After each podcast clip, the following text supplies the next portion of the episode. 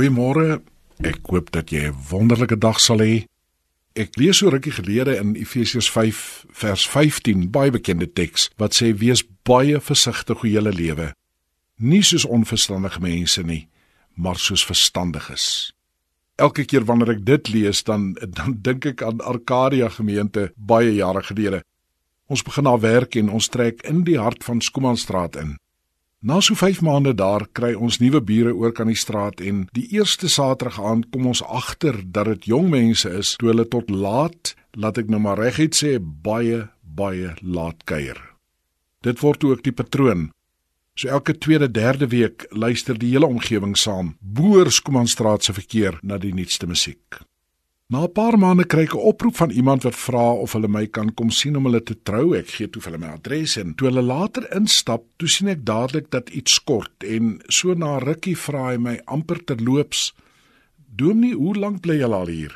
En toe ek nou vir hom noem, toe word dit net nog stiller. Dit word later tyd om die register in te vul en ek vra hulle adres. Ja, jy het al reg geraai. Hulle bly toe net oor kan die straat.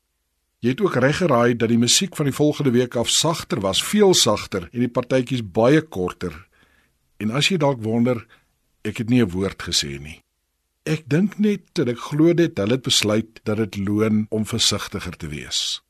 Hierdie storie is nou sommer net met tong in die kies en oor 'n baie ligter saak, maar oor veel ernstiger keuses sê Victor Hugo, die beroemde Franse skrywer, die lewe is kort en ons maak dit nog korter deur onverskillig te leef.